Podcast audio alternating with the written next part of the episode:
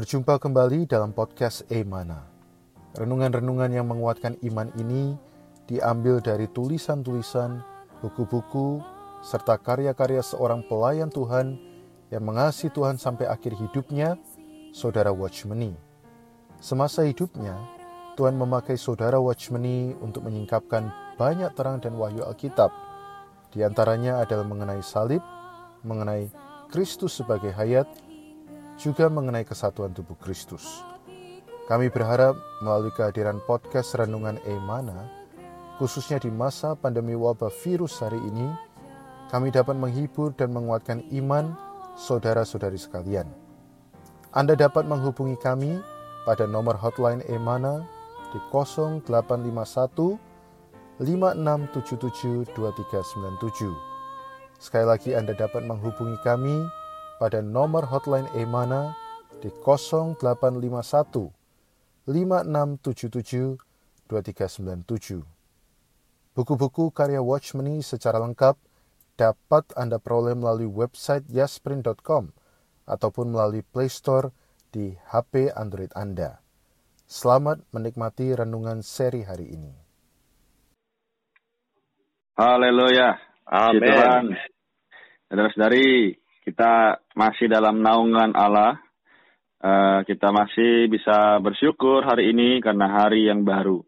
Amin. Uh, pagi ini saya Reinhard dan saya Moses. Bagaimana kabar Anda?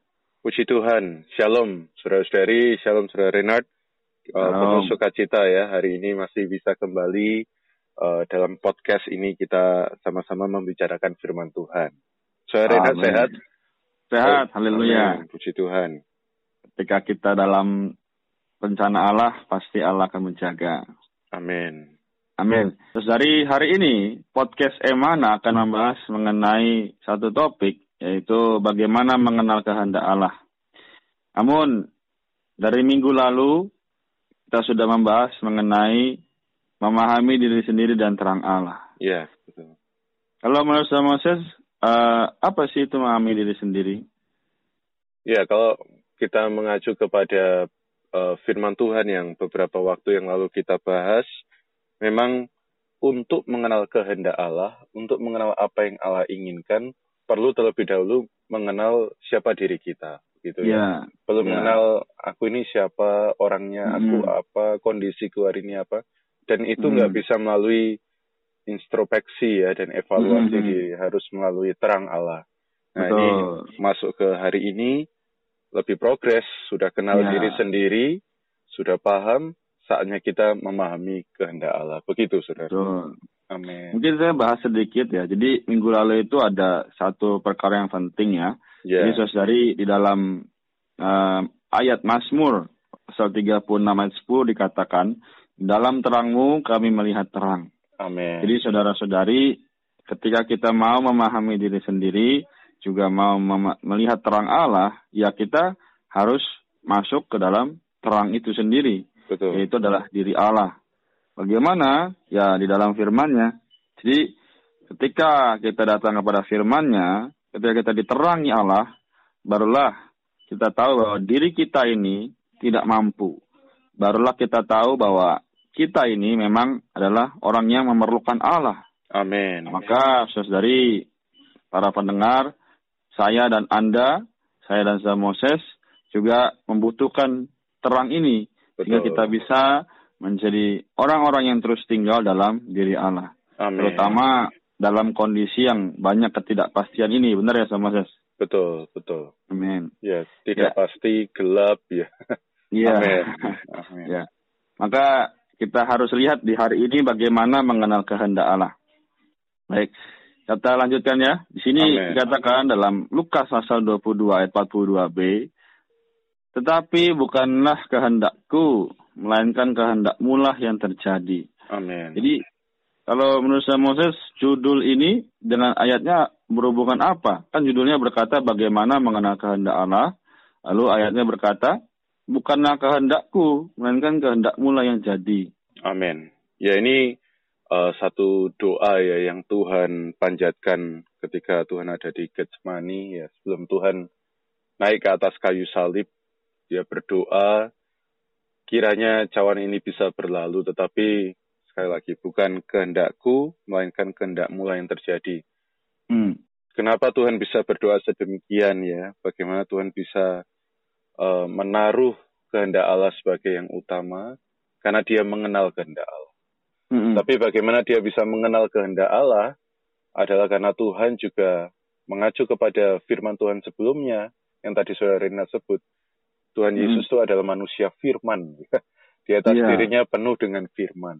hmm Bayangkan waktu Tuhan kita dicobai oleh iblis di padang gurun setelah 40 hari 40 malam berpuasa, iblis kan menggunakan banyak ayat-ayat yang dipelintir ya, yang digunakan uh, uh, untuk mencobai Tuhan. Tetapi Tuhan dengan tenang, dengan sangat uh, ini ya uh, dignity ya, penuh kehormatan bisa hmm. wah ya sangat elegan begitu ya menjawab setiap pencobaan itu dan iya. menang yeah. atas iblis. Dari mulutnya, yeah. dari dirinya keluar firman yang sungguh meluap. Nah, karena firman itu Tuhan Yesus sendiri menjadi terang. Nah, karena yeah. Tuhan terang, dia tahu kehendak Allah. Gak yeah. mudah ya untuk tahu nasib kita mati di atas kayu salib itu tidak mudah. Tuhan yeah. tahu bahwa dia akan segera naik ke atas kayu salib. Secara hmm. insani, ya secara manusia, alamiah, kehendaknya pasti ingin kalau bisa cara yang lain ya Bapak. Ya. Tetapi yeah. puji Tuhan, Tuhan Yesus bukan orang yang hidup di dalam keinsanian yang alamiah, mm-hmm. dia hidup di dalam keinsaniannya yang real, yang yeah. bersatu dengan Bapa. Jadi bagaimana Amen. mengenal kehendak Allah? Kalau kita lihat dari ayat ini kita perlu lihat latar belakang Tuhan Yesus mm-hmm. ya sebagai manusia Allah ya. 100% yeah. manusia, 100% Allah. Dia Amen. adalah orang yang sudah bersatu sepenuhnya atau mm. bukan sudah ya, dia memang bersatu sepenuhnya dengan Bapa. Itulah Amen. sebabnya dia mengenal kehendak Allah. Amin. Yeah. Si Tuhan ya. Jadi benar sekali bahwa diri uh, diri Tuhan itu sendiri bahkan bersatu esa. Maka hari ini kita mungkin merasakan berat, merasakan kesulitan untuk seperti itu, tapi saudari ada jawabannya. Yaitu tadi kita perlu melihat diri Allah. Amin. Jadi kalau kita lihat ayatnya berarti kita juga perlu mengesampingkan diri ya sama saya. Iya. Amin. Betul. Kita lanjutkan di sini dikatakan kehidupan dan pekerjaan sehari-hari manusia direncanakan oleh Allah. Allah memiliki satu rencana untuk kehidupan dan kegiatan sehari-hari setiap orang beriman. Yang memiliki kehendaknya yang baik mengenai setiap orang yang telah ditebus dengan darah. Allah memiliki satu rencana mengenai setiap pergerakan dan tindakan anak yang telah dilahirkan kembali oleh dia. Karena Bapa memiliki rencananya, dia damba agar seorang Kristen berjalan menurut rencana-rencana ini. Jika seorang pembangun yang bodoh tidak menghiraukan rencana-rencana yang teliti dari seorang arsitek dan membangun menurut caranya sendiri, ia pasti akan gagal. Jika bangsa Israel tidak membangun tabernakel menurut instruksi-instruksi Tuhan, bagaimana pekerjaan mereka itu bisa diterima? Demikian juga, jika seorang Kristen tidak berjalan menurut rencana Allah baginya, ia pasti akan gagal. Alasan kaum beriman gagal adalah karena mereka tidak menaati kehendak Allah. Di sini ada satu pertanyaan. Bagaimana kita bisa mengenal kehendak Allah? Amin ya. Jadi uh, mengacu kepada apa yang Saudara Renat baru saja katakan uh, dan kepada ayat yang baru saja kita bahas, betul ya. Bagaimana kita bisa mengenal kehendak Allah? Hmm. Ya sama seperti bagaimana Tuhan Yesus bisa mengenal Bapa. Ya di yeah. atas diri Tuhan dia dipenuhi dengan perkataan Bapa. Di atas diri Tuhan dia penuh dengan uh, instruksi dalam tanda kutip ya dari Bapa. Tuhan mengenal Bapaknya, Tuhan mengenal kehendak hati Bapaknya, sehingga Tuhan juga satu dengan Bapaknya. Karena memang Tuhan adalah satu. Uh, dia esa dengan Bapa, karena dia juga adalah Allah itu sendiri. Tetapi sekarang permasalahannya kan kepada kita. Bagaimana dengan kita? Yeah. Masih manusia yang penuh kelemahan. Bapak Ibu yeah. saudari, Anda dan saya harus selalu paham dan uh, ingat bahwa sejak kita percaya dilahirkan kembali dibaptis ke dalam nama Tuhan Yesus, kita pun telah esa dengan Kristus. kita pun juga sudah esa dengan Allah Tritunggal. Yeah. Kita punya kesempatan yang sama masing-masing dari kita untuk juga memiliki apa yang Tuhan Yesus miliki hari itu. Apa itu? Sepenuhnya bersatu dengan kehendak Bapa. Yeah. Nah, yang menjadi permasalahan adalah memang 2000 tahun yang lalu Tuhan Yesus penuh dengan diri Bapa, penuh dengan perkataan Tuhan, meluap bahkan ya, sehingga tidak ada keraguan. Nah, yang jadi yeah. masalah hari ini banyak orang Kristen, kenapa timbul keraguan, kenapa timbul kegelisahan, bingung memutuskan ya, uh, apalagi di masa pandemi ini, kadang harus membuat keputusan-keputusan yang signifikan. Kita mulai bertanya, kita mulai ragu, saudara, sebenarnya bukan untuk menyalahkan Anda dan keadaan, yeah. tapi memang kita perlu mengakui dan jujur kita kurang perkataan firman Tuhan. Oh, Saudara-saudari, kitab 2 Petrus ya, uh, pasal 3 ayat 8, 9, 10 itu satu peringatan dari Tuhan supaya kita masih bisa berbalik dan bertobat. Ya, hmm. Ya kiranya kita benar-benar mengambil, merebut kesempatan hari ini. Tuhan sudah sediakan ya waktu yang cukup beberapa bulan terakhir ini bagi kita untuk lebih banyak datang pada firman ya. lebih banyak datang kepada pemberitaan firman Tuhan, hmm. baik di hmm. dalam Alkitab, buku-buku rohani, maupun melalui Anda berdoa pada Tuhan. Ambil kesempatan ini. Rebut kesempatan ini. Ya. Kalau bertahun-tahun yang lalu, ya kita banyak menghabiskan bukan untuk ini, sehingga banyak keraguan, Tuhan sangat mengasihi Anda loh, saudara-saudara. Hmm. Tuhan itu mengasihi kita. Sehingga kita di waktu ini diberi kesempatan tidak banyak orang di tahun-tahun sebelumnya punya kesempatan yang sama seperti kita. Ya, orang-orang yang tahun sebelumnya kan nggak ada harus tinggal di rumah berapa bulan ya, saudara Ray ya. Ya. Ya, sekalipun memang di rumah ini tetap sibuk bekerja, tapi setidaknya Anda di rumah punya waktu untuk duduk tenang setidaknya setengah jam membaca firman, itu kesempatan. Ya saudara, mari kita rebut kesempatan itu. Amin. Mari Bapak Ibu Saudari sekalian kita rebut kesempatan. Amin. Agar kita bisa mengenal kehendak Allah. Yeah. Karena kehendak Allah ada di dalam firman-Nya. Amin. Amin. Kita di sini katakan lagi bahwa banyak orang beriman mengira mereka tidak menolak kehendak Allah karena mereka mengatakan bahwa mereka mengasihi kehendak Allah. Tetapi mereka tidak melakukan kehendak Allah karena mereka tidak mengenal kehendak Allah. Kita tidak perlu memikirkan mereka yang tidak memiliki hati untuk melaksanakan kehendak Allah. Tetapi siapa saja yang menetapkan hati mereka untuk melakukan kehendak Allah akan menghadapi satu masalah besar ini. Bagaimana kita bisa mengenal kehendak Allah? Banyak saudara-saudari di dalam Tuhan memiliki masalah ini. Mereka telah mempersembahkan diri mereka kepada Tuhan dan damba untuk menyenangkan Tuhan. Mereka suka melakukan kehendak Allah, tetapi mereka tidak mengenal kehendak Allah dalam kehidupan dan pekerjaan mereka. Mereka tidak mengenal kehendak Allah dalam banyak hal.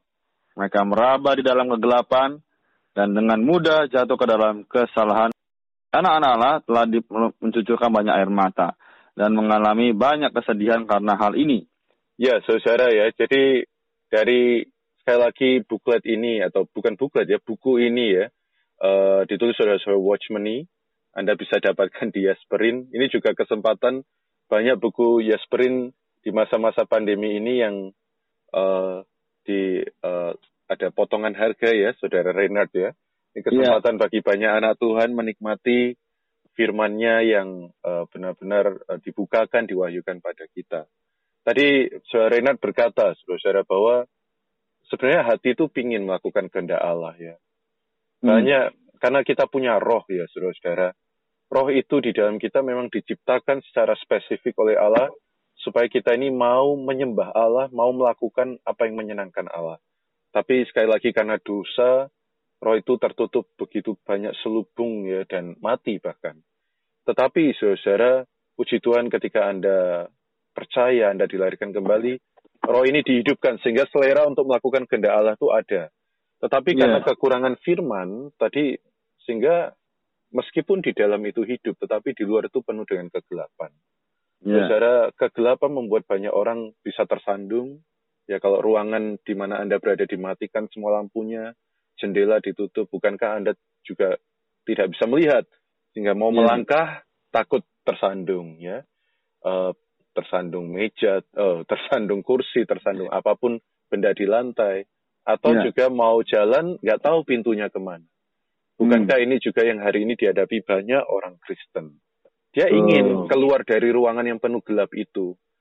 Dia ingin keluar dari situasi itu. Tetapi ya. karena nggak ada terang, maka ya sama, mau melangkah takut.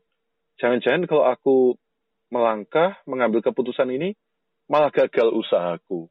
Ya. Jangan-jangan kalau aku mengambil langkah ini, nanti keluargaku malah berantakan. Jadi sebenarnya harus bagaimana ya?